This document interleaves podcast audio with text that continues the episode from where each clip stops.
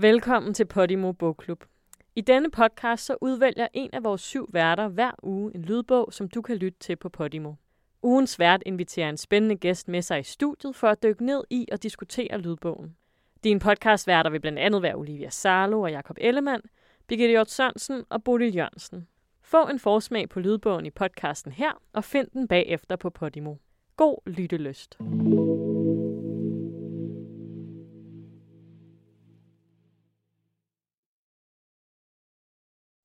Følelsen af ikke længere at skulle leve op til nogle bestemte idealer, tale til folk på en bestemt måde, veje sine ord på en guldvægt for ikke at risikere at blive misforstået. Men bare sige det, man tænker, og det, man føler.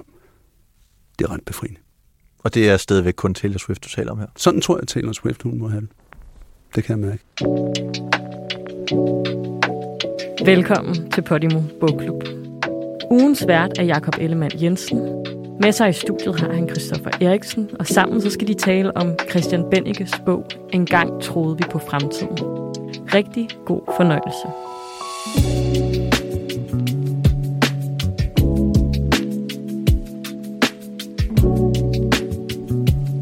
Velkommen til Podimos Bogklub.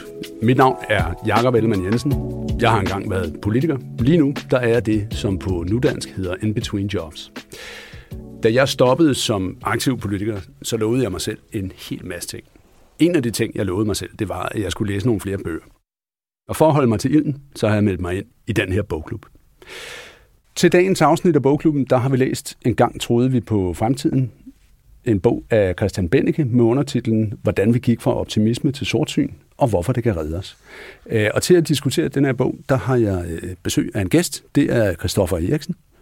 Velkommen til dig, Christoffer. Mange tak. Øh, tak fordi du vil være med. Selvfølgelig. Der er øh, utrolig mange gode grunde til at øh, invitere dig i studiet i dag. Du er øh, selv vært på en øh, podcast her i huset, banderelateret. Du er øh, i øvrigt samme årgang som øh, forfatteren Christian Bennike. I er begge to født i 1986. Det betyder, at I er yngre end mig når jeg lægger væk på det, så er det fordi, jeg tror, det fylder noget i vores øh, måde at se bogen på. Fordi det er, det er noget, jeg har snublet over nogle gange, jeg læste den. Mm. Det vender vi også lidt tilbage til senere. Og så er du som jeg også indehaver af en masse forhenværende på det tv. Du er forhenværende chefredaktør på øh, både Frihedsbrevet og Ekstrabladet. Du har været på øh, Radio 24 Det kan jeg i hvert fald huske at blive øh, ringet op om morgenen der. Du har været på øh, Danmarks Radio på Detektor. Så du har et, øh, et vanvittigt imponerende CV taget betragtning, at du blev øh, færdig på Journalisthøjskolen samme år, som jeg blev valgt til Folketinget. Hvornår blev du valgt? Ja, det blev jeg så i 2011. Ja, okay. Jamen, det, øh, det er jo så rigtigt. Og det, øh, så har vi fulgt hinanden lidt der, på hver vores side af hegnet. Men øh, nu er vi så øh, lykkeligt forenet her i Podimos bogklub. Du er her, fordi du også som journalist, som jagttager, har fulgt udviklingen, som, som Bennike beskriver i den her bog, som jeg synes, vi skal kaste os over. Mm.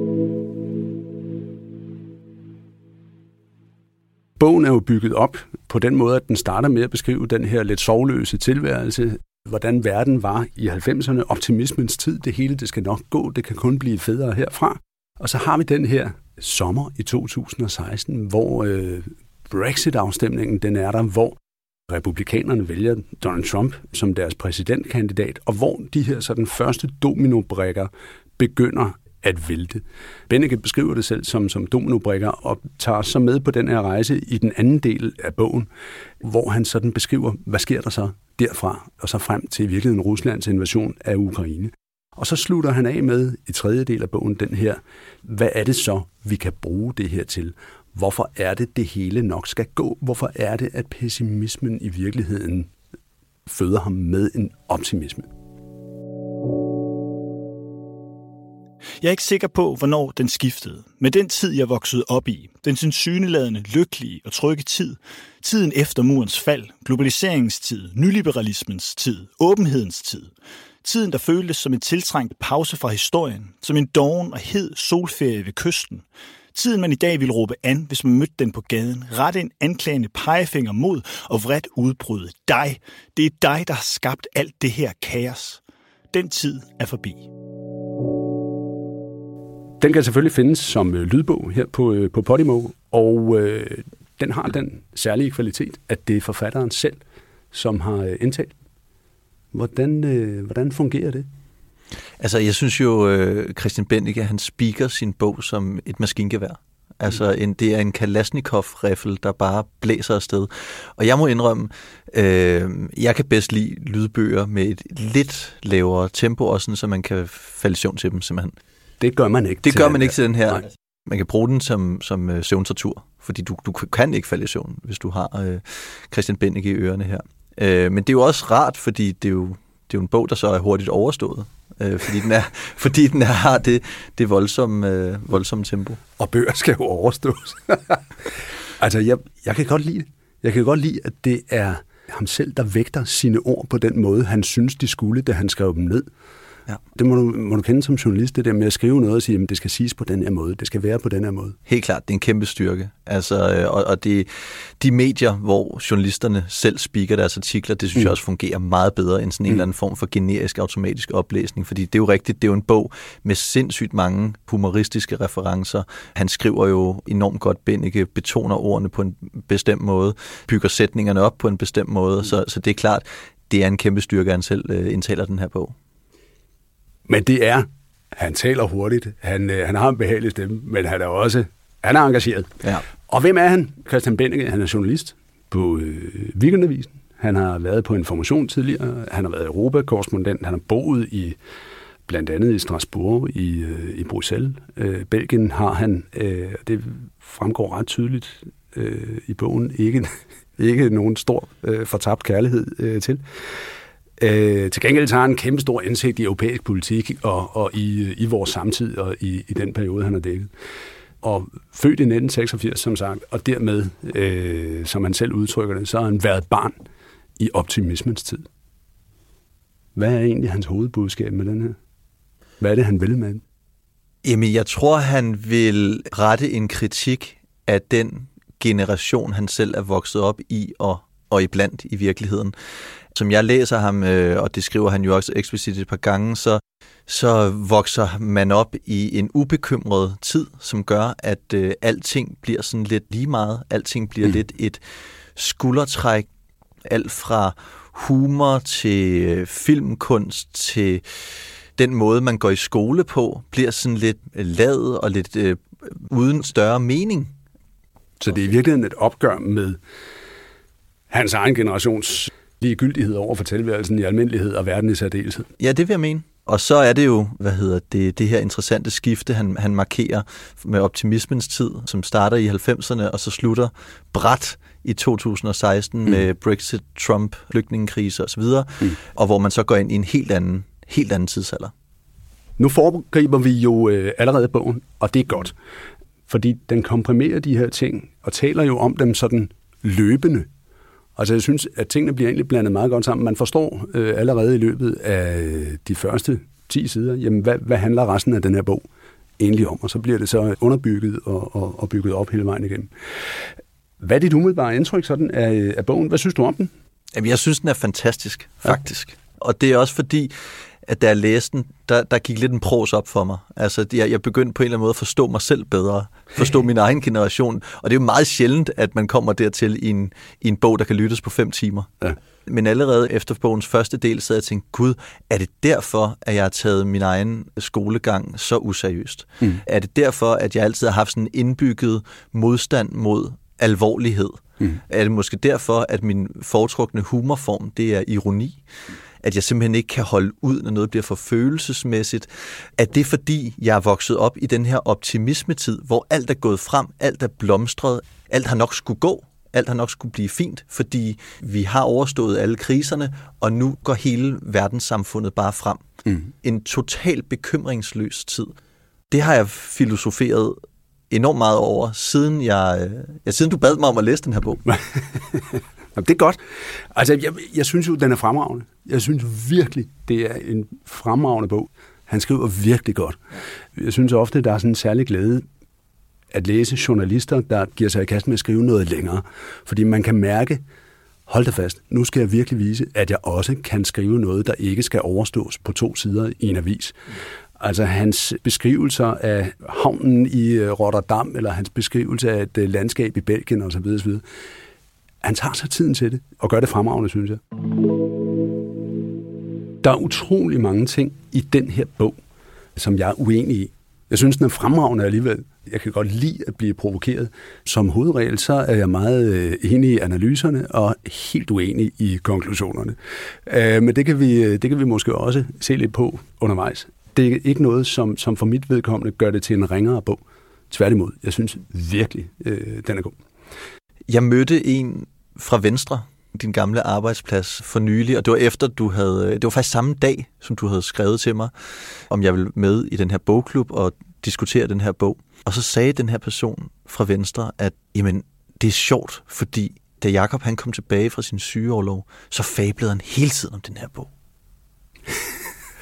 øh, og, og, og, det er jo, og det er jo ret vildt, og ja. det er bare grundlæggende enormt nysgerrig på, altså hvad det er, den her bog, den sat i gang hos dig, fordi for mig, der er det jo en vild læseoplevelse, fordi jeg, jeg får gennemgået min egen ungdom og bliver klogere på mig selv. Men hvad er det ved den her bog, som har gjort, at du virkelig på en eller anden måde har, er blevet rørt af den?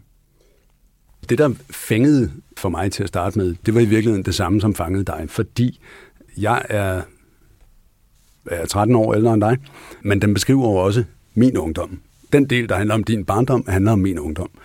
Og referencerne, de kulturelle referencer, også til populærkulturen, tv-serien Friends, og hele den måde, den forklarer brugen af ironi, det lidt ansvarsløse samfund osv., osv., synes jeg jo er interessant.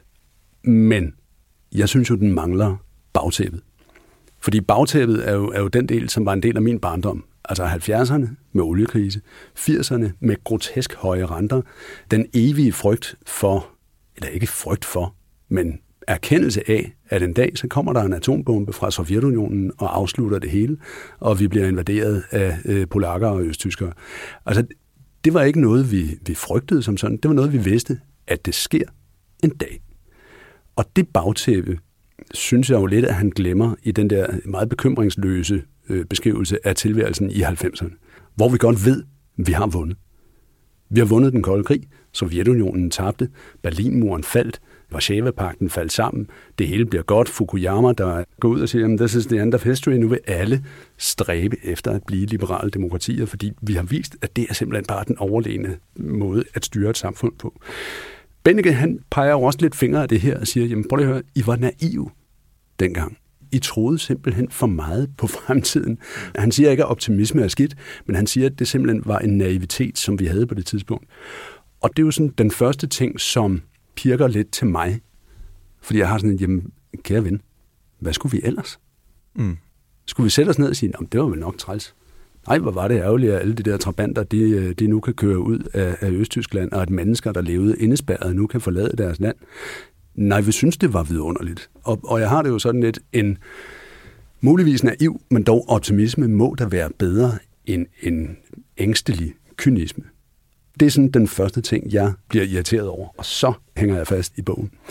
Så igen den her med, jamen jeg synes, at, at analysen er rigtig, og den er klog, men, men jeg er ikke helt inde i konklusionerne. Og noget af det, det tror jeg altså skyldes den her generationskløft. Har du oplevet de ting, som lå forud for, eller er du dumpet midt ind i det her glade, bløde inferno? Jamen, det er jo meget sigende, ikke? Fordi jeg, jeg kan jo ikke huske murens fald. Der var jeg tre år gammel, så langt går min hukommelse ikke uh, tilbage. Nej. Jeg har nogle barndomsminder fra da jeg var sådan fire år, men altså det handler jo om at fange sin første fisk og sådan noget. Altså jeg, jeg, jeg, Ja, ja, ja. Men det første, jeg kan huske fra, fra samfundet, eller som jeg kan forbinde til andre, det er jo EM i 92 hvor øh, jeg var ude med, med min far og dytte på gaden og, og så videre. Ikke? Men, men, men ud over det, så er der, der ikke... student. En, ja, det, det er ret vildt. Det må have været en vild studentertid. Ja, det var det. Men det er det tidligste, jeg kan huske, og det, det er jo meget sigende, at mit tidligste minde om samtiden, det er den vildeste triumf nogensinde i sportens historie i Danmark. Jo, jeg tror, altså jeg, jeg regner jo mig selv til det, man kalder 89-generationen. Altså de er, som stod og, og jublede og råbte og skreg, da, da muren faldt, og syntes, det var vidunderligt. Vi stod og demonstrerede på, øh, på Rådhuspladsen, da Sovjet gik ind i øh, Vilnius med kampvogne, da Gorbachev han altså satte, satte magt ind mod de, de, øh, de frihedselskende mennesker, der, der, der havde øh, tilsvunget sig adgang til tv-tårnet i Vilnius. Um, så, så jeg tror, den der fornemmelse af, at jamen, det er ikke noget, der er kommet af sig selv det er ikke noget, der er kommet dumpende ned fra himlen. Det er noget, der er kommet, fordi modige mennesker har stillet sig op, og nogen har offret deres liv for det. Den ting, synes jeg, man må savne et eller andet sted. Og det synes jeg, at jeg vil ikke sige, at bogen savner det, den har bare et andet perspektiv på det.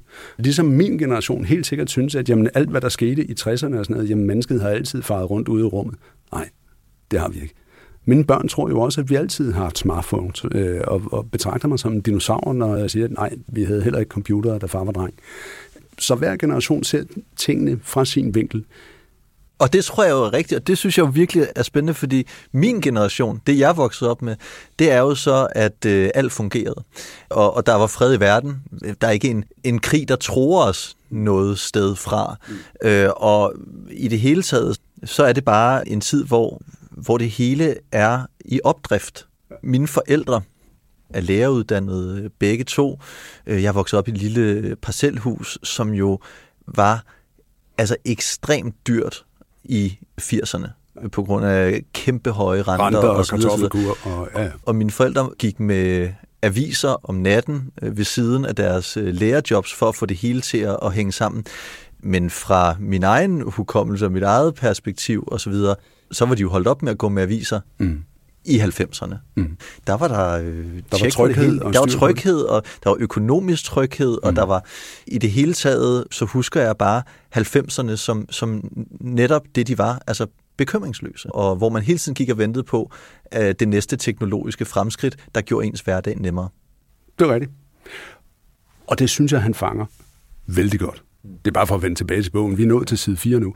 Nej, men, men, men øh, det er jo den fortælling, han starter med at, øh, at komme med. Inden vi sådan kaster os videre øh, ind over indholdet, bare et par ord om, om fortællestilen, fordi han bruger en masse begivenheder, øh, som han selv er en del af, som ramme for fortællingen. Øh, klimatopmødet i Glasgow, når han taler om klimaturen til øh, Marine Le Pens øh, vælgermøde i Nordfrankrig, handlingen i skønheden og udyret, da han taler om populisme og mødet med Mark Lennart hos danske rædderier osv. osv. Han har en, en, en ret skøn beskrivelse af rundvisningen i havnen i Antwerpen, da han skal fortælle om globalisering. Han bruger ja. de her greb, altså hvor han siger, jamen, øh, hvad kan jeg hænge globalisering op på? Jeg synes, det fungerer godt. Det er vildt godt. Det er vildt godt. Altså, det er jo et essay, et langt essay og en lang argumentation for den samme pointe. Og de scener, han, han øh, har med i bogen, hvor han selv spiller en rolle, mm de, de er jo guddommelige, mange af dem, og, og meget sigende, og, og nogle gange, så kan man også sidde og tænke sådan, øh, jo jo, men altså, øh, det at du tager røven på nogle flyttemænd i Belgien, hvad er det egentlig, du vil sige om samtiden øh, i forhold til det? Men det siger jo noget. Ja, det tror jeg virkelig, han vil sige noget om Belgien, ja, og det ja. får han også gjort. Det er hvad vi skal læse den passage op, fordi det, det er en sjov den, passage. Den skal med. Han skal flytte til udlandet, og de skal have et stort klædeskab op i lejligheden på fjerde sal. Tre flyttefolk kørte liften op til vinduet og skulle lige til at slæbe det hele ind, da de så ned i nogle papirer og forvirret konstaterede, at vores adresse stod noteret som tredje sal. Ja, sagde jeg. Lejligheden ligger både på tredje og fjerde sal, men adressen er på tredje. Men så kan vi ikke have skabet op på fjerde, sagde de. Hvorfor ikke? Vi vil jo ikke have skabet i stuen, og liften holder allerede klar ved vinduet. Jo, fordi det står i papiret. Så diskuterede vi lidt frem og tilbage, og til sidst ringede en af dem til en chef og rakte mig telefonen. Det var en kontorfyr fra IKEA i Anderlecht, som gjorde det klart for mig, at det slet ikke kunne lade sig gøre at levere på fjerde, når man boede på tredje. Det var imod reglerne. De måtte køre skabet tilbage, ændre papirerne, lave en ny aftale. Jeg nikkede, sagde okay, lagde på, kiggede på de tre flyttefolk, som sad og røg på fortovskanten. Jeg smilede. Så var, jeg chef siger, det er fint, sagde jeg. De lyste op. Fedt. Fem minutter senere lå tingene i vores soveværelse. Den slags åbenlyse vanvid er en belgisk specialitet, fandt vi ud af. Vi boede i et land af solbladede ringbind og officielle blækstempler, hvor der altid mangler en fotokopi og en attest, hvor man altid skal til et nyt møde på kommunen, hvor de stadig bruger fax og håndskrevne erklæringer. Sådan er det her, sagde vi overbærende til hinanden. Det var nærmest eksotisk, lidt spændende. Det er genialt. Det er virkelig godt. Og han bruger det jo ligesom i en længere argumentation mod Belgien som koncept i virkeligheden, ikke? Der ikke er den der store øh, samhørighed i Belgien. Øh, folk, de taler forskellige sprog med hinanden. Øh, han bruger det jo også til at fortælle om, hvorfor han tror, at det er gået så galt under corona i Belgien, at de bliver det øh, land, hvor flest dør per indbygger øh, med, med covid. Jo, hele begrebet samfundssind Ja. er taget under, under kærlig behandling der, også med referencen til Margaret Thatcher mm. med There is no such thing as society. Nej, ikke i Belgien i hvert fald, hvor fodboldlandsholdet taler engelsk med hinanden, fordi det er den eneste fælles øh, referenceramme, de har. Ikke? Ja, og, og hele den samfundskontrakt, der gør, at man skal for eksempel gå i isolation, hvis man er, er smittet, øh, jamen den er, jo, den er jo ligegyldig, hvis dem, man går ud på gaden og, og møder, og man risikerer smitte, hvis man ikke føler, man har en moralsk forpligtelse over for dem, hvis man ikke føler, man har et fællesskab, som man på en eller anden måde alle sammen øh, byder ind til. Det er jo sådan et eksempel på, hvordan han, han bruger de her oplevelser, han har haft som europakorrespondent, øh, som journalist på Information, som journalist på, på Weekendavisen osv., øh, til at fortælle noget om, om øh, samfundet. Ja. Han bruger det som en krog, og så, øh, så krydder han det en hel del med interviews, han har lavet, mennesker, han har talt med. Hvad siger du til den del? Jeg synes, det er interessant. Det er jo tydeligt, at der er nogen, som han er, han er meget glad for. For eksempel Francis Fukuyama, som han jo også ringer til, da hele tidsånden skifter, og da det hele bryder sammen, og Brexit og Trump, så ringer han straks til Francis Fukuyama, ikke? for at høre, hvad han tænker om det. Det synes jeg er rigtig godt. Jeg kan også rigtig godt lide, øh, og det er jo måske også fordi, at øh, jeg er journalist og har den, øh, den journalistiske baggrund, jeg har, hvordan han også en gang imellem tager ud til folk, som har taget fejl, og, og tvær det ud i hovedet på dem. Det må man sige. Bo Lidegaard bliver brugt som et eksempel i bogen. Bo Lidegaard Mark Lannert, som han, som man siger, jamen, du sagde sådan og sådan. Ja. Det, der øh, til gengæld synes jeg også er interessant, det er, at de lægger sig alle sammen fladt ned og siger, ja, Ja. ja. jeg tog fejl. Jeg anskuede verden på den måde dengang, fordi sådan og sådan og sådan. Der er ikke noget med at sige, åh nej, det, mm, det kunne også være. Og med Bo Lidegaard handler det jo ligesom om det her med hele øh, flygtningekrisen, og ja. Lidegaard, der synes, det er øh, øh, fuldstændig vanvittigt at tro, at man kan lukke Europas ydre grænse, at man kan jo ikke have grænsehegn, og du kan ikke sende folk tilbage mm. over Middelhavet osv. Mm. osv. Det, det kan slet ikke lade sig gøre. Og det er så nærmest det hele flygtningediskussionen er kommet til at handle om i de senere år. Ikke? Mm. Der er noget med ironien. Du nævner det før i vores barndom, ungdom. Øh, Den der stærkt ironiske tilgang til tingene, brugen af ironi som, øh, som humor. Han skriver noget om det på et tidspunkt. Jeg ved, at både du og jeg er stolte ironikere. Mm. Men det kan være, at vi ikke skal være så stolte af det alligevel. Ikke, ikke med, med den beskrivelse, som, øh, som Benny gerne kommer med i hvert fald. Nej, altså, øh, hvis, man, hvis man siger i starten af bogen, så beskriver han min generations humor, eller den øh, humor, vi vokser op med. Altså, mm. Det er Kasper og Mandrill-aftalen, det er det absurde, ikke? Det er Seinfeld, det er Michael Bertelsen, det er Gramsespektrum, det er jo ironi, det er er- fjolleri, og man behøver ikke engang rigtig at forstå, hvorfor at det også kan rumme en samfundskritik, fordi det er bare sjovt. Han siger også, at det også afspejler sig i filmkunst. Han citerer Quentin Tarantino, der på den røde løber bliver spurgt. Hvorfor der er så meget vold i hans film. Og Quentin Tarantino, han svarer, because it's so much fun. Det er jo øh, det er en af, af verdens største filminstruktører, mm. der jo også bare svarer på den her fjollede, ironiske, ligegyldige måde på et spørgsmål, som jo egentlig har en vis relevans. Men er der ikke også en generationsting i det der? Det tror jeg. Fordi yngre mennesker end du og jeg, synes, at det der, det er noget pjat. At vi ikke tager tingene tilstrækkeligt alvorligt med den der ironiske tilgang. Og at Tarantinos svar der jo i virkeligheden understreger, jamen, for pokker menneske. Altså, øh, tager du ikke det her sådan lige, øh, lige løs nok? Ja. Har de en pointe? Ja, det tror jeg, at de har, altså, men det er jo også den generation, de vokset Ja. op med, ikke?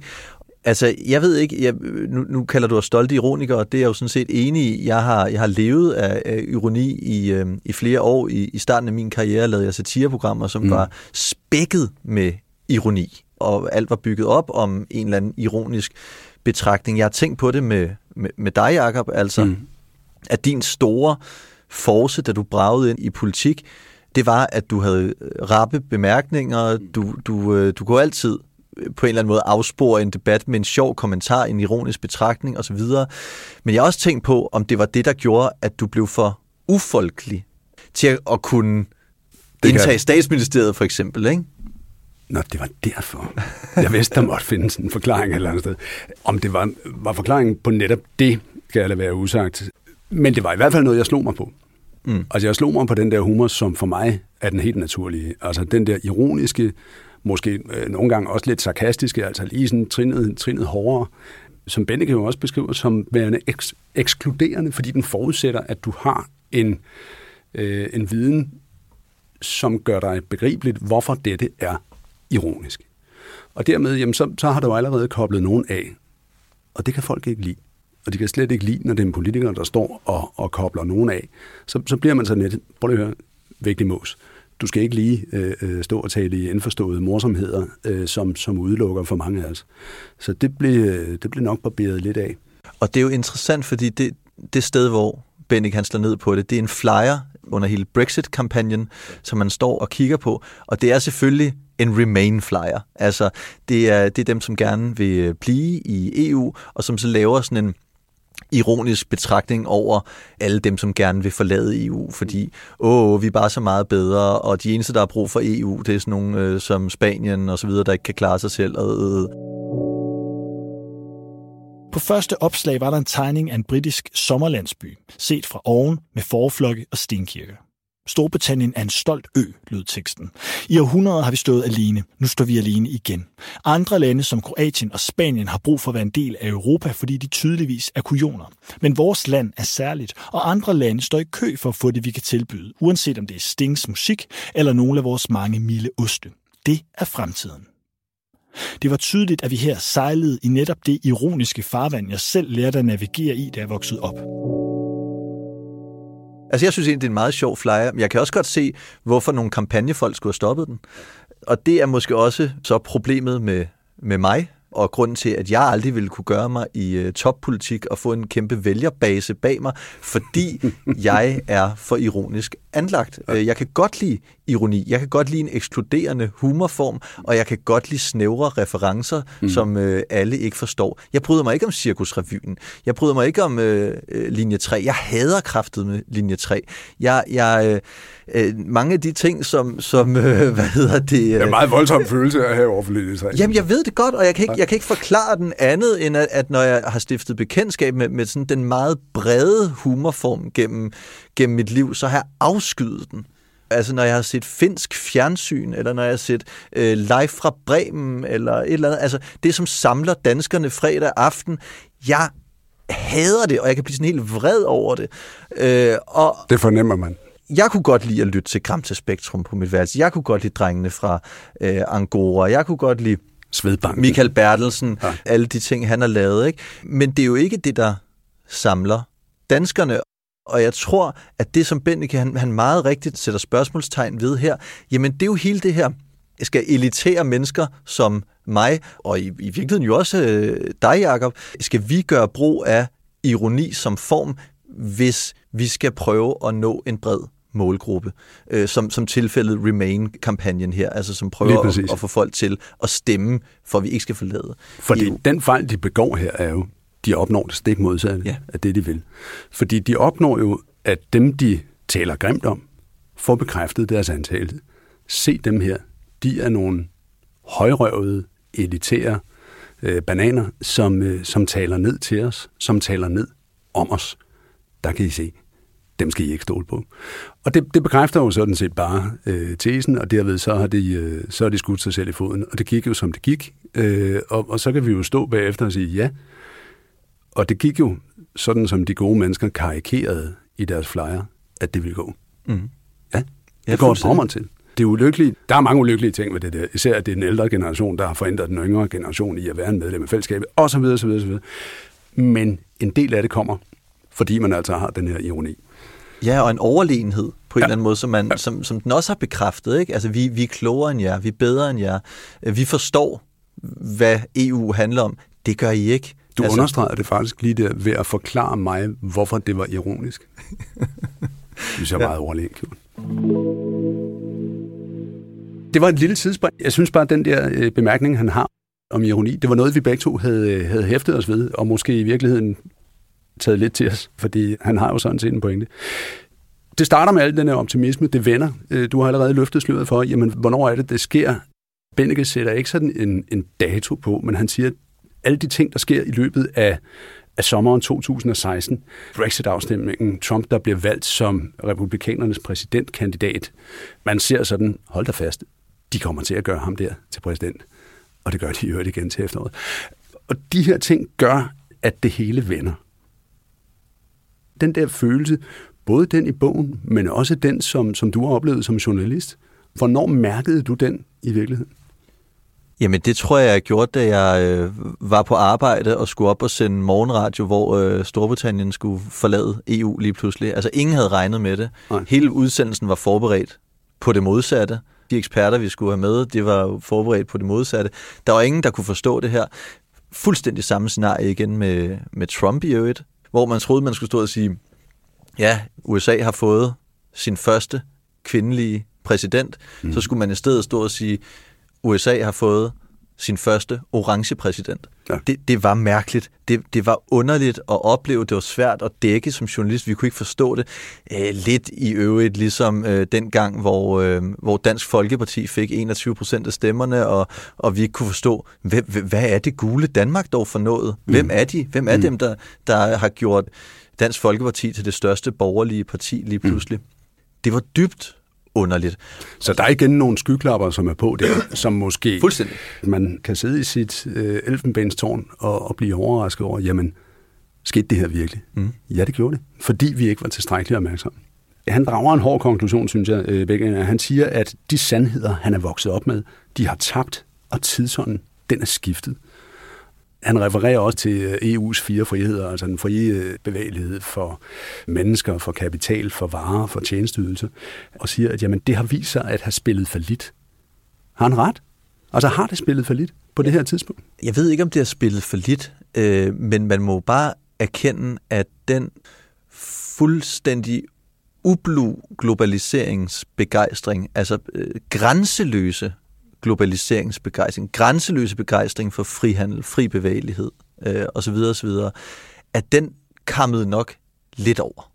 Han har det her citat fra, fra Tony Blair, hvor jeg også lige måtte spære øjnene op og sige, okay... Øh, og det er et citat fra en kongres i Labour. Ja. Jeg har hørt folk sige, at vi skal stoppe op og debattere globaliseringen, sagde den britiske premierminister Tony Blair i en tale på Labours kongres i 2005. Man kan lige så godt debattere, om efterår skal følge sommer. Globalisering var ikke et valg, det var en naturkraft. Den kunne ikke stoppes, ikke ændres. Det eneste, man kunne gøre, var at udnytte energien til sin fordel, som Bill Clinton sagde i 1993, da han underskrev den nordamerikanske frihandelsaftale NAFTA. Så det forsøgte man.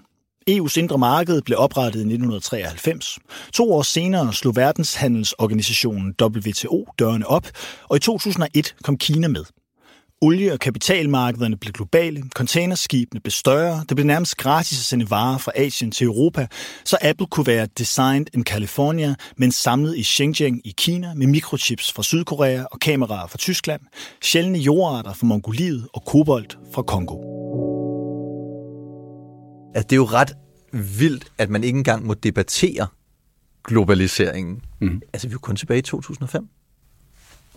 Jo, men altså, jeg, jeg tror, at jeg selv på et senere tidspunkt har sagt, jamen øh, det, det er rigtigt, der er nogen, der siger, at de gerne vil stoppe globaliseringen. Men altså, man kan jo ikke sige, stands verden, jeg vil af. Det har jeg jo selv argumenteret for. Altså, man kan jo diskutere, jamen, hvordan skulle man gribe globaliseringen an? Men den der med at være imod den, det mente jeg jo var det glade vanvid. Øh, det mente Tone Blair øh, så også nogle år før. Jeg tror bare, at den holdning, Altså den holdning med, at jamen, prøv at høre, vi kan ikke stoppe det her, nu, nu, nu skal vi lige få det bedste ud af det. Det gør, at utrolig mange af de mennesker, som ikke nyder godt af globaliseringen, ja. og som ikke kan se perspektiverne for deres vedkommende i globaliseringen, fordi de ikke er der, de føler, at der sidder en politiker og siger, jamen jeg er ligeglad med din bekymring. Jeg lytter ikke til det. Der er da en helt arbejderklasse, der er blevet undertrykt her. Øh, I USA, i Midtvesten, i, i, i Storbritannien, øh, også i Danmark til, til en vis udstrækning, er der jo nogle mennesker, som bare har fået at vide, prøv at høre, jeres bekymringer, at de er jo idiotiske. Øh, kig jer omkring, det hele øh, altså, er jo i opløsning. Øh, nu skal vi bare samhandle som aldrig før, og så, bliver, og så løser alle problemer sig af sig selv, fordi hvis vi bare samhandler med Rusland og Kina osv., så, videre, så begynder de at leve ligesom os og tænke ligesom os og opføre sig ligesom os. Problemet var, det gjorde de jo ikke. Øh, de, øh, de har øh, nyt rigtig godt af det i Kina især, og de har nyt godt af det i, i Rusland, men de har ikke brugt det på samme måde som os til at ville øh, udvide demokratiet og løfte alle begrænsninger osv. Øh, de har brugt det på at skabe en større, stærkere nationalstat, mm. øh, som på en eller anden måde kan bruges i en kamp mod Vesten. Og friheden. Og friheden. Men jeg synes der, at han maler den hårdt op. Han, han, han kommer også med en, en beskrivelse der af Gerhard Schröder, som jeg synes er alt for diplomatisk og venlig. Jeg er ikke politiker med, så jeg må godt sige, at folk er korrupte. Nå, øh, men, men jeg synes, han kommer med en, en meget venlig beskrivelse af, af Gerhard Schröder, men jo en beskrivelse af den afhængighed, man sætter sig i, da man laver Nord Stream. Mm. Da man siger, nu gør vi os afhængige af gas fra Rusland, og man gør det jo ud fra de betragtninger. Du siger, man gør det jo, fordi man siger, jamen, prøv lige at høre, hvis vi er afhængige af hinanden, denne gensidige afhængighed, den gør, at vi ikke kommer op og slås. Og, og den erfaring har vi jo med os fra EU. Det har været entydigt godt. Vi har holdt fred på vores, øh, på vores egen hjemmebane øh, og, og sikret, at vi kom i hvert fald ikke op og slås. Det var jo det, der var ideen med EF, med Kul- og Stålunionen, med EU med og så videre, så videre. NAFTA-aftalen, alle de der Alting, ting. Det, det handler jo om at, at, at lave den her gensidige afhængighed. Og så lige pludselig bliver vi ramt af, jamen de andre, de er ikke lige så afhængige, som vi er. De andre, de er faktisk ligeglade. Vi tænkte, jamen prøv at høre, jeres økonomi er afhængig af os. Jamen vi er ligeglade. De er ligeglade. Mm. Og det, det synes jeg egentlig, han beskriver meget fint. Han beskriver det jo med, med invasionen i Ukraine som det ultimative øh, modbevis for, at, at det her var det rigtige at, øh, at, at gøre. Um, jeg synes, at han maler den hårdt op, fordi jeg synes, at han kommer lidt til en konklusion, der hedder, jamen derfor så var frihandel ikke det rigtige instrument. Ja.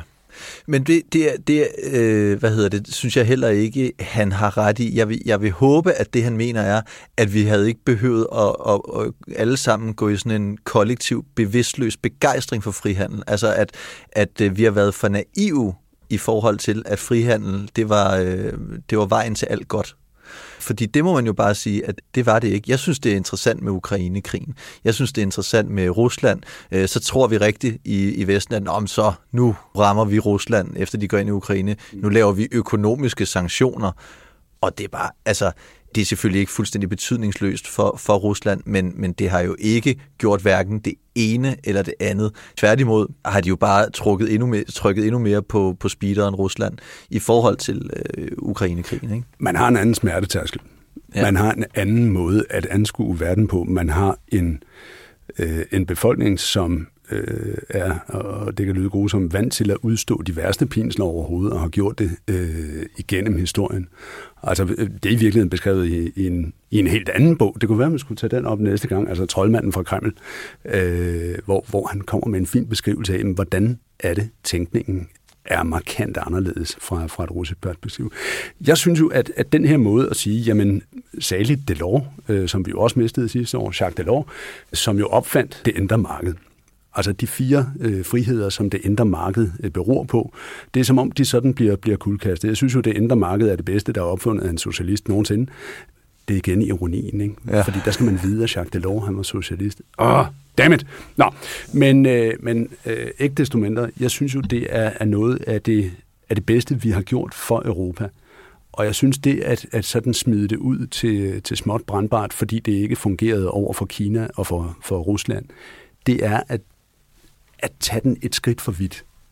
Jeg er enig med ham i, det var ikke det rigtige at gøre over for Rusland. Nej, det var vi nogle stykker, der sagde undervejs. De skal gribes an på en anden måde. Det betyder ikke, at frihandel er skidt, i min optik. Nej, det, det betyder, bare... at man skal, man skal have frihandel, ja. Man skal bare have det med nogen, man deler værdier med. Ja, og, og, øh, og hvad hedder det? Havde man haft en, en større øh, respekt for de stemmer, som sagde, at øh, den her frihandel, den kommer med en pris, øh, på vores egen hjemmebane. Og havde man på en eller anden måde kompenseret, været bedre til at kompensere for det, adressere bekymringen som værende reel i det mindste, jamen, så kan det jo godt være, at øh, man ikke var endt med Brexit at man ikke var endt med Trump og de her ting. Øh, det kan også være, altså det er jo kontrafaktisk historieskrivning, øh, man nu er ude i, ikke? Men det kan godt være, at opbremsningen ikke havde været så voldsom, som den oplevedes der i, i 2016. Så vidt med, med frihandel, det kunne vi tale om i, øh, i timevis. Han bevæger sig videre i sin bog og kommer ind til det her vælgermøde i Roquigny i Nordfrankrig, hvor Le Pen hun skal holde øh, vælgermøde. Ude bagved trykker en eller anden play på noget dramatisk musik. Forventningerne stiger. Folk finder deres trikolorer frem. Hvor har de dem fra? Det føles som trommevivler og røgkanoner. Og så entrerer hun triumferende scenen. Marine. Alle rejser sig fra de skrøbelige plastikstole, klapper, så det runger i mørket, hujer og svinger med flagene. Hurra! Hun smiler og slår ud med armene som en tryllekunstner, bukker og klapper og lytter til de takfaste råb. Marin, Marin, Marin. Og så taler hun om Emmanuel Macron og hans rodløse kosmopolitter. Om disse nomadiske individer uden tilknytning og uden pejlemærker, som kun tjener deres egne interesser. Som tror, de har født sig selv, som hun siger, så det lyder som K.E. Løstrup eller Syrine Godfredsen. De bitte små, lyse hår på kinderne træder frem i projektørlyset. Jeg har sat mig bagerst i salen, noterer i min notesbog og føler, at 2016-chokket nu står lige foran mig. I tiden efter den sommer blev de politiske konflikter i Europa igen og igen beskrevet som et episk slag mellem to uforenlige hære. Globalister og nationalister. Den beskrivelse, han har af det der øh, vælgermøde, er... Jeg synes, den er meget lojal, men jeg synes samtidig, den er morsom. Hvorfor? Fordi den er så stereotyp. Fordi de mennesker, han beskriver, er så arketypiske. Fordi det er nogen... Jeg, jeg kan se dem for mig. Øh, jeg føler, at det er nogen, jeg kender. Fra, fra Venstres øh, bagland? Det var ikke det, jeg sagde.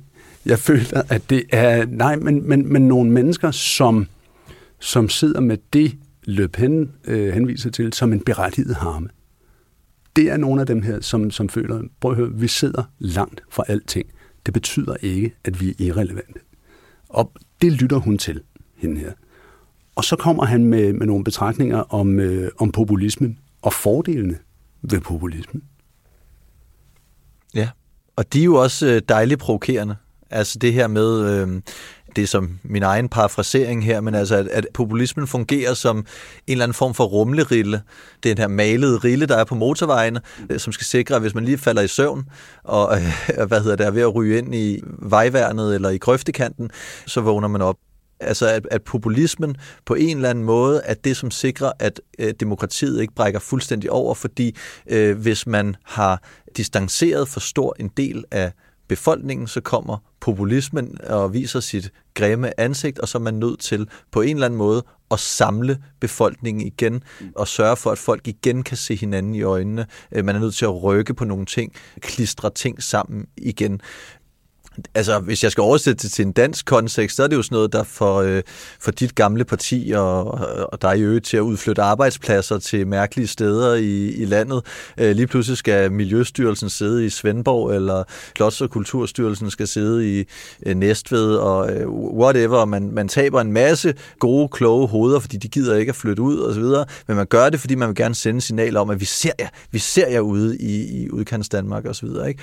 Og det har jeg haft et ekstremt kritisk blik på. Jeg, ved, jeg, jeg synes, det var noget af det dummeste i verden, øh, dengang I besluttede. Du og, synes, det var en anelse populistisk? Jeg synes, det var så populistisk, og jeg synes, at det var så åndssvagt, og det kæmpe videnstab, som man, man jo lider i det øjeblik, man begynder at, at rykke ting fra en landsdel til en anden. Og sådan. Mm. Jeg synes, det var komplet idiotisk. Jeg må så indrømme, at når man læser det her i bogen, altså med populismen, mm. øh, som, som en eller anden form for øh, medicin, øh, som man er nødt til at indføre, hvis folk kommer for langt fra hinanden, jamen måske var det ikke så dumt at udflytte de arbejdspladser. Måske var det en måde at anerkende, at øh, okay, det går rigtig godt i hovedstaden, mm. Øh, men der er altså områder i landet, som ikke rigtig følger med. Øh, hvad skal vi så gøre? Vi kan ikke bare lige pludselig omfordele helt vildt og sådan noget, men man kan lave nogle symboler. Mm. Noget symbolpolitik, som jo altid bliver udskældt. Men der er jo ikke noget galt med symbolpolitik. Man skal bare stå ved det. Altså, jeg, jeg synes jo, det, og, og det, det er et lille sidespring her, men ja. jeg synes jo, at, øh, at symbolpolitik, øh, det lever vi jo masser af. Altså, øh, smykkeloven i sin tid, det var jo symbolpolitik, men det var et rigtigt symbol at sende, at man sagde, smykkeloven er jo noget af det mest misforståede, der øh, nogensinde har været i, i det her land i min optik.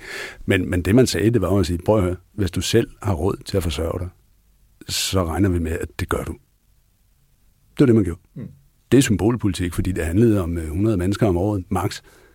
Men det er da et rigtigt signal at sende det, det var sikkert et fint signal at sende. Det virkede også øh, enormt mærkeligt. Ikke? Og så er det klassiske modsvar på øh, smykkeloven jo, det er jo den internationale anseelse. Og det er jo det værste mods, modsvar, som øh, venstrefløjen overhovedet kunne øh, komme med, fordi man bekræftede i virkeligheden hele pointen, nemlig at I ikke en skid øje for, øh, hvad, hvad skal man sige, landets principper, og det vi gerne vil, vil bekæmpe med, med smykkeloven. Vi, vi, vi går kun op i, hvad de tænker på CNN. Det fik jeg lov til at stå og, øh, og forklare på CNN på mit øh, bedste skoleengelsk. Det var en meget spændende dag på arbejde. Mm. Æh, det var ikke det, vi skulle tale om. Vi skulle tale om populismen, som Venneke han, øh, han også er inde på her. Jeg synes, han har en, øh, en sjov pointe, fordi, som du siger, den der ventil, øh, der skal til, og det der, der skal til, hvor man siger, jamen, du er nødt til at lytte til de mennesker, der føler sig kørt ud på et, øh, et sidespor, der kørt over. Mm.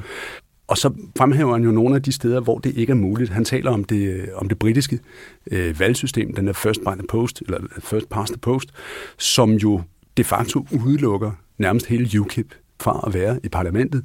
Du har det i USA, hvor der jo altså ikke er nødvendigvis en repræsentation af alle synspunkter, fordi du har to kandidater, og the winner takes it all. Mm. Der fremhæver han jo øh, vores meget lave synes jeg i hvert fald, da jeg var politiker, spærregrænse øh, til Folketinget, hvor han siger, jamen altså, det gode ved den, det kan godt være, at der så sidder 16 partier i Folketinget i øjeblikket, det er sikkert lavt sat, men til gengæld så sikrer det, at du har muligheden for at komme til ord. Og det sikrer, at der ikke opstår det her kæmpe store tryk. Jeg synes bare, det er en, en sjov betragtning, han, øh, han har med. Altså, øh, øh det yderste eksempel på det her er jo i Holland, hvor du ikke har nogen spærregrænse, og, og hvor øh, Gud og hver mand nu øh, nærmest bogstaveligt talt er øh, repræsenteret i, i parlamentet. Det giver, som han siger, nogle andre udfordringer, det kan jeg bekræfte. Mm.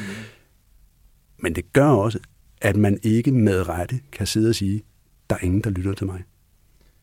Nej, altså det er jo rigtigt, og jeg skal ikke kunne sige, om, om han har ret. Man kan bare sige, ulempen ved det her, ikke? det er jo, at øh, vi lige pludselig får en meget klovnet valgkamp, hvor øh, altså, man skal lytte til øh, alt fra Sikander Siddiq til Rasmus Paludan og, og, og Claus Risk her lige pludselig, fordi man har formået at indsamle 20.000 vælgererklæringer på nettet.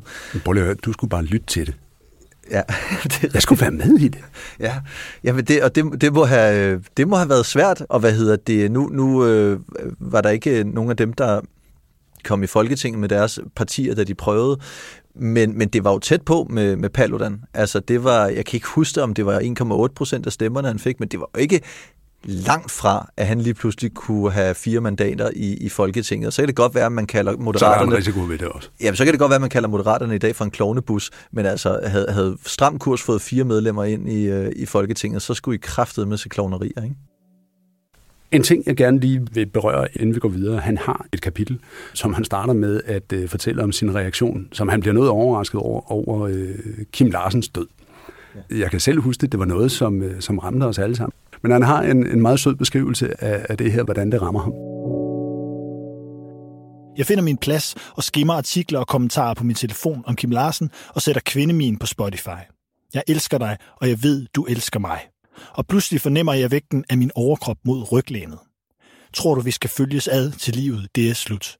En varm fornemmelse spreder sig i mit bryst og ud i mine arme. En underlig følelse af sorg. Jeg tager dybe indåndinger, spilder næseborene ud, forsøger at tage mig sammen, men det lykkes ikke helt. Jeg lukker øjnene. Måske det er alt den stress og jag. Måske det det tømmermænd. Måske er jeg bare, og det er trods alt det mest sandsynlige, simpelthen ude af mig selv. For med et får jeg fornemmelsen af at betragte mig selv fra oven, at svæve over flyets kabine som en drone eller perspektivet i et computerspil. Jeg hænger deroppe og ser ned på en blond mand i begyndelsen af 30'erne, som sidder i et flysæde med lukkede øjne og lytter til Kim Larsen. Så åbner han de fugtige øjne og ser tilbage på mig. Ser på sig selv, på mig selv, og i det øjeblik føles det som at træde ud af tiden og ud af sig selv. Ikke længere at være en krop på sin vej fra A til B, men en lille sky af lys på et punkt i historien, hvor fortid og fremtid ikke er adskilte af et kort nu, men bundet sammen i et diffust hele, der i særlige lysende øjeblikke kan bruse gennem menneskekroppe. Det kapitel, synes jeg jo, handler om nationalfølelse. Og jeg synes, han laver en lille brøler der i min optik, hvor han sidestiller nationalisme og nationalfølelse.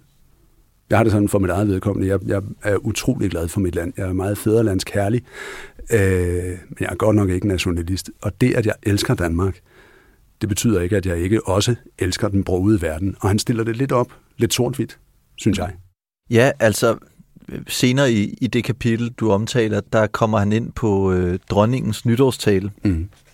Han citerer hende for at, at kritisere den hvad skal man sige, voldsomme reaktion, der var på EM i, i 92. Og hun, dronningen spørger, hvad er det egentlig, vi er vidner til i disse år? Er det den overgivede nationalismes spø- gamle spøgelse, der viser sig som hadefuld konfrontation mellem folkeslag og mistænkeliggørelse af dem, der virker anderledes? Er det ved at dukke op, også hos os? Er vores egen rødhvide begejstring over en fodboldsejr i virkeligheden et udslag af det samme?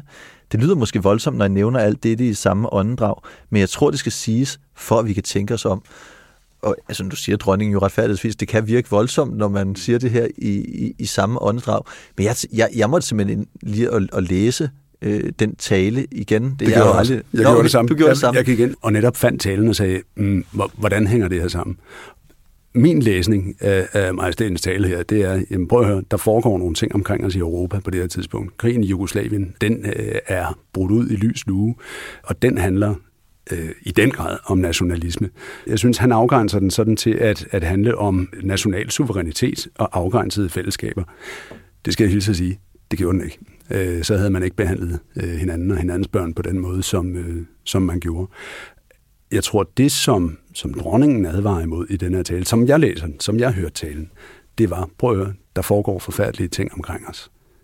Vi skal passe på, at vi kan adskille netop nationalisme og nationalfølelse. Vi må gerne være stolte, vi må gerne være glade, vi må gerne fejre det her, vi må aldrig komme ud i det der. Jeg synes, at hun laver netop den skældning, som han så ikke laver. Nu synes jeg, du er meget sød ved dronningen her. Jeg læste meget som øh, altså citatet her, altså at hun kommer til i virkeligheden at begå den samme fejl, som folk også begik, da Dansk Folkeparti kom, kom frem og, og brugte Dannebro rigtig meget. Altså begyndte folk ligesom at synes, at Dannebro, det var lige med mm. noget nationalisme, og hvis man brugte det osv. Jeg synes, dronningen lidt kommer til at gøre det samme her, altså ved at, at på en eller anden måde sidestille den her fu- fuldstændig vanvittige begejstring over øh, noget helt unikt i, i, i Danmarks historien, at vi vinder EM, øh, som et eller andet, der, der kan blive en glidebane. Vi må heller ikke blive for glade for, at mm. Danmark vinder på en eller anden måde, fordi så kan det føre til, at vi bliver for glade for Danmark, at vi begynder at lukke os om os selv. Jeg tror, det er det perspektiv, der handler om, hvad, hvad sker der i verden omkring os samtidig. Det, som ærger mig lidt, fordi han nævner også den her reklame fra SAS, som var en øh, katastrofe for SAS, og et, øh, og det tillader mig at sige, et reklamebureau, der ikke lige havde øh, fingrene på pulsen, apropos Elfenbenstårnen, som vi talte om før, ja. hvor SAS, noget kægt og historisk ukorrekt, konstaterer, at intet er rigtig skandinavisk. Ja. Jeg vil sige, når man beskæftiger sig med luftfart og transport, så øh, i den del af verden, hvor vikingskibet er opfundet, så er det måske en, en, en, en tilsnelse. Men deres pointe er at sige, at vi kan forfine en masse ting, Øh, og, og det er vi dygtige til, og det gør vi med, med møbler. Vi har jo ikke opfundet stolen, men Arne Jacobsen har gjort den lækker, og, og så videre, så videre, så videre. Ja, det er jo i virkeligheden en helt almindelig, fredsommelig pointe, ja. nemlig at det er rigtig fint at suge inspiration udefra, og det har vi været gode til i Danmark altid, og det er jo det, de gerne ville fortælle, fordi... Øh, det er det, de ville fortælle, og de regnede mere. med, den nuance var der, øh, yes. og den blev taget ned på samme måde, som jeg synes, at Bennike håndterer den med nationalfølelse og nationalisme. Sort, hvidt. Mm.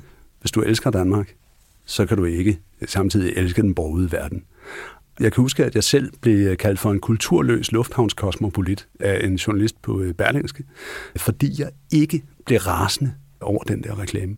Jeg kan huske hele sådan, det nationalkonservative Danmark var jo ved at nedsmelte i sådan en kollektiv øh, og stærkt uberettiget øh, harme over, over den her reklame. Man var simpelthen rasende.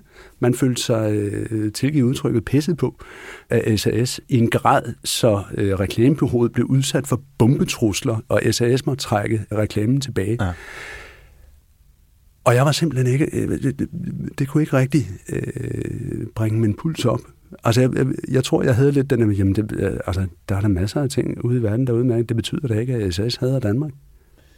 Nej, men det var jo også måske der, du skulle have bidt til bolle, hvis du skulle have scoret nogle lette politiske point, og, og hvis du skulle have, have stillet dig i øjenhøjde med bundevenstre, ikke? Så skulle jeg være blevet rasende med Ja, det tror jeg. Det tror jeg. Altså, jeg tror, jeg tror fandme ikke, øh, at landmanden i Vestjylland gider den kampagne. Det tror jeg godt, fordi han er frisindet. Ja, jeg tror, hvad hedder det, at hvis man googler, så var Inger Støjberg sikkert bedre til at kommentere den kampagne, end, end du var der. Altså var Helt bedre sikkert. til at, at lægge sig i slipstrømmen på noget forarvelse og bruge det til at sige sådan, ej, prøv at vi skal være stolte af Danmark og så videre. Men det betyder jo ikke, det er rigtigt. Nej, nej, nej, nej. Og det var, det var den fejl, jeg begik som politiker. Det var, at jeg gik mere op i, hvad der var rigtigt, end hvad der var populært. Helt klart. Dammit. Skulle jeg vidst noget før. Ligesom da du gik i øh, regering med Mette Frederiksen. Det var også rigtigt. 6. kapitel, der øh, tager han udgangspunkt i nogle af de begivenheder, hvor der faktisk bliver handlet øh, på, øh, på klimaområdet. Øh, som, som jo, øh, han beskriver det jo som et område, hvor han siger, jamen, her er der godt nok meget sortsyn. Og det, det siger han også, at det er der måske også grund til at have. Men der bliver dog handlet. Altså, der bliver dog handlet øh, mere, end der gjorde tidligere. Han virker lidt som om, at han skal lede lidt efter ja-hatten. Ja, i, i kapitlet om klima. Ja. ja. Jeg synes jo, det på en eller anden måde er hans svageste kapitel, fordi han famler i alle mulige retninger her. Jeg kan faktisk ikke helt udlede, hvad er det forfatteren mener i forhold til klimaet. Jeg kan konstatere, at man har sovet i 90'erne, i de bekymringsløse 90'ere. Han øh, specifikt peger på få som en øh, klimabenægter, der først langt op i sin statsministertid øh, erkender, at der er et eller andet med klimaet. Han fortæller ligesom om, hvordan man vokser op i barndommen med, man ved godt, der er noget, der hedder drivhuseffekt. Det fikser vi. det var fikser vi. ligesom, Det- øh, det var ligesom det der med fræren og køleskabene og ozonlaget. Ozonlaget og sådan. Det, det skal nok gå i orden. øh, Det hele, det, det, det løser sig selv. Der kommer en voksen. Der kommer nogen på et tidspunkt, der løser det hele for os. Det var der bare ikke nogen, der, der, der gjorde. Nej. Men så abonnerer han trods alt heller ikke på hele den her Greta Thunberg-tilgang med, at vi skal gå i panik, det hele er forfærdeligt, øh, og så videre, og så videre. Nu kan man retfærdigvis sige, at panik er sjældent en super god løsning. Altså hvis du sidder i et fly, og piloten siger, at der er ild i motoren, lad os gå i panik. Så vil jeg Nej. gerne have en second opinion på det. Nej, det skulle man ikke tro kom fra en øh, mand, som har været formand for Venstre de sidste mange år, men altså, øh, det, Nå. Ja. Bogen slutter jo af med den tredje del, kapitel 7, som handler om det her med øh, pessimismen, der øh, gør mig optimistisk med, at tidens sortsyn er overdrevet, men det er også nyttigt. Ja, og så indleder han det med øh, altså en fuldstændig øh, fantastisk tv-serie, White Lotus. Det gør han nemlig. Og har, har du set den? Ja.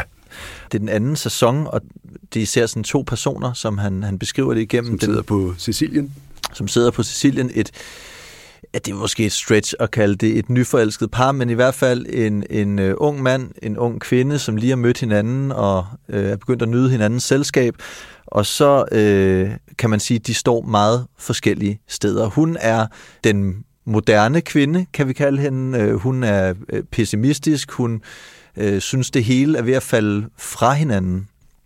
Det, det sidder hun ligesom og giver udtryk for. Og lige pludselig så kigger han, Jack, forvirret på hende og siger, hvad er der galt med tiden? Laver du sjov? Han sætter det lidt i relief og siger, jamen altså, prøv lige at høre, det var da i forhold til middelalderen, så er det da alle tiders i dag. Altså, øh, folk de bliver hverken øh, slagtet på, på gader og stræder eller voldtaget i stribevis, så, så det er jo alle tiders verden i dag. Vi lever på det bedste tidspunkt Ja. ja. i hele verdenshistorien, siger han faktisk, ikke? Jo. Og der, der står hun et andet sted, og hun siger jo ikke direkte, hvad det er, der øh, er, ved at falde fra hinanden, men altså, man, man kan jo ikke lade være med at tænke, det er, det er klimaet, det er øh, krige, hele civilisationen, den samfundskontrakt, man troede, der var i verden, som er brudt sammen, eller ved at bryde sammen. Og så senere i kapitlet, så nævner han jo og bruger som en illustration på hele øh, skiftet i tidsånden, øh, så bruger han øh, noget, som jeg, jeg virkelig synes var interessant, nemlig Taylor Swift. Han bruger Taylor Swift. Og hendes overgang fra at være den her stjerne, som alle skal kunne se sig selv i, som alle skal kunne identificere sig med, som ingen må støde sig på, som ingen må få ridser i lakken af. Og derfor så har hun ingen holdning til, øh, til noget som helst. Og det er meget, meget bevidst af hele teamet omkring hende, der beskytter hende og sikrer, at du må endelig ikke udtrykke noget, nogen kan støde sig på. Og så på et tidspunkt, så får hun nok. Ja, hun får totalt nok. Og det er en kandidat til senatsvalget i hendes hjemby, Tennessee, mm. som øh, står for alt det forkerte, synes Taylor Swift. Hun er det synes jeg, hun har en pointe i. Ja, det, det må man sige. Det er svært at være uenig i, medmindre man er die hard Republican og ude på den yderste, yderste højrefløj. Hun er øh, benægter af evolutionsteorien, hun er imod øh, homoseksualitet øh, osv. osv. Og Taylor Swift har bare fået totalt nok. Og alle prøver at advare hende mod at gå ud og blande sig i det her valg og blande sig i den her person. Hendes far, han er bange for hendes sikkerhed. Og, øh, hans, ja, han er jo simpelthen bange. Han siger, jeg har stået for sikkerheden. Det, det er mig, der har købt pansrede biler, og jeg ved ikke hvad. Altså, jeg, jeg, jeg er bekymret for, hvad der sker med dig, hvad du risikerer, hvis du giver udtryk for en holdning. Og der er en fra det kommercielle team, som siger, øh, altså Forestil dig, at vi kommer til dig og siger, hey, vi har den her idé, som kan sørge for, at der kommer halvt så mange mennesker til din næste tur. Ja. Altså sådan et, et kommercielt argument, som øh, man også kender fra Michael Jordan, øh, ja. som da han blev bedt om at støtte en øh, sort demokrat, sagde, Republicans buy sneakers too. Ja. Så, så det, og det skulle de nødig holde op med skulle de nøde. Men hun kan ikke mere. Hun har besluttet sig. Hun bliver nødt til at, at stemple ind. It's the home front, som hun siger. Det er hendes hjemmebane, det er Tennessee, det hele handler om. Nu er det simpelthen kommet for tæt på. Altså, hun kan ikke sidde stille mere. Og man kan jo så sige, sådan rent karrieremæssigt er det jo ikke gået fuldstændig forfærdeligt øh, for, for Taylor Swift siden der. Det, det, kan man, det kan man bare ikke sige. Øh, man kan sige, at hende her, senatoren, hun blev så valgt alligevel. Det gjorde hun. Og Taylor det var, Swift, fordi Taylor Swift ikke stillede op. Det tror jeg, du har en pointe i. Øh, men man kan sige, at hun skabte en helt ny vej for sig selv. Og det er jo så det, som jeg faktisk synes også er en rigtig fin pointe for bogen til sidst, at i, øh, det frisætter mm. Taylor Swift, at hun nu tør sige sin mening. Øh, det bliver beskrevet, hvordan at øh, de dæmoner, hun har kæmpet med, de bliver meget mindre kraftfulde. Hun bliver simpelthen et bedre menneske i den forstand, at hun, hun får det bedre. Hun, hun sætter sig selv fri, ja. og det tror jeg i den grad faktisk, hvis man skal komme med en eller anden konklusion, jo trods alt er noget af det gode, der er kommet ud af pessimismens tidsånd, mm. øh, det er, at tingene er begyndt at betyde noget igen. Den der meningsløshed, som vi så illustreret ved American Beauty og Kevin Spacey, mm. der sidder og onanerer ulykkeligt ude på badeværelset. Man er nødt til at lave noget, der er meningsfuldt. Mm. Øh, man er nødt til at tro på, være, være, være tro mod sig selv. Lykken er ikke bare at drive med strømmen, tjene en masse penge osv. osv. Og det er jo det, han ender med at konkludere, Benneke. Og det er mere, køber du den der konklusion? Altså køber du hans oprigtighed i den her? Kommer han til den konklusion, at det hele nok skal gå, fordi han er nødt til at runde den af på en Disney-måde? Eller eller mener han faktisk det, han siger? Nej, det tror jeg, han mener. Jeg kan jo kun tale på egen vegne her. Øh, jeg repræsenterer jo ingen. Jeg repræsenterer ingen generation eller noget som helst. Men jeg må sige, jeg har det der på samme måde. Jeg kan da også mærke et behov for ikke bare at sidde og komme med ironiske betragtninger over i, i hjørnet et eller andet sted. Jeg kan også mærke en trang til at gøre noget, og skabe noget, gøre noget mere meningsfuldt. Hvad tænker du? Jeg køber den. Jeg er enig med dig i, at på klimaområdet, ah, der virker det lidt forsøgt. Men når han breder den ud, når det handler sådan om zeitgeist, når det handler om tidsånden, når det handler om, hvor er vi henne, hvad er det øh, for nogle mennesker, vi er, så, så, så, øh, så synes jeg, at han har en pointe her til sidst med, prøv lige at høre, der, der sker faktisk nogle ting. Der er faktisk noget, der er sat i bevægelse. Der er noget, der er vigtigere end en selv. Ja, altså, det er jo og, det, og det betyder det, ikke at afsværge mig ironien. Nej. Det håber jeg heller ikke var, øh, var tilfældet for dit vedkommende. Fordi Pete Hein havde en pointe den, der kun tager spøj for spøj og alvor kun alvorligt, han og hun har fattet begge dele lige dårligt. Mm. Det står alligevel også tilbage for mig. Og så synes jeg jo virkelig, at, at netop det er en, en, en stærk pointe at slutte af med, altså at, at der måske i min generation, den generation, jeg er vokset op med, gik lidt for meget selvrealisering i den. Det kom til at handle for meget om, hvordan man kunne gøre noget lækkert for sig selv og udvikle sig selv osv., i stedet for, hvordan kan vi gøre øh, samfundet bedre, hvordan kan vi ja, i det hele taget lave noget mere meningsfuldt, fordi det har mennesket et grundlæggende behov for. På den måde kan jeg jo heller ikke lade være med at tænke om da du gik op på scenen der og sagde farvel til, til dansk politik, mm. og startede med at sige, jamen altså, jeg har altid sagt Danmark først, mm. Dernæst Venstre, dernæst regeringen, mm. og så Jakob. Om det var dit Taylor Swift-øjeblik i virkeligheden, mm. hvor du øh, stemplede ind, og så satte, øh, satte nogle andre ting højere end din egen karriere. Jeg tror i hvert fald, der er noget befriende øh, ved at gøre det.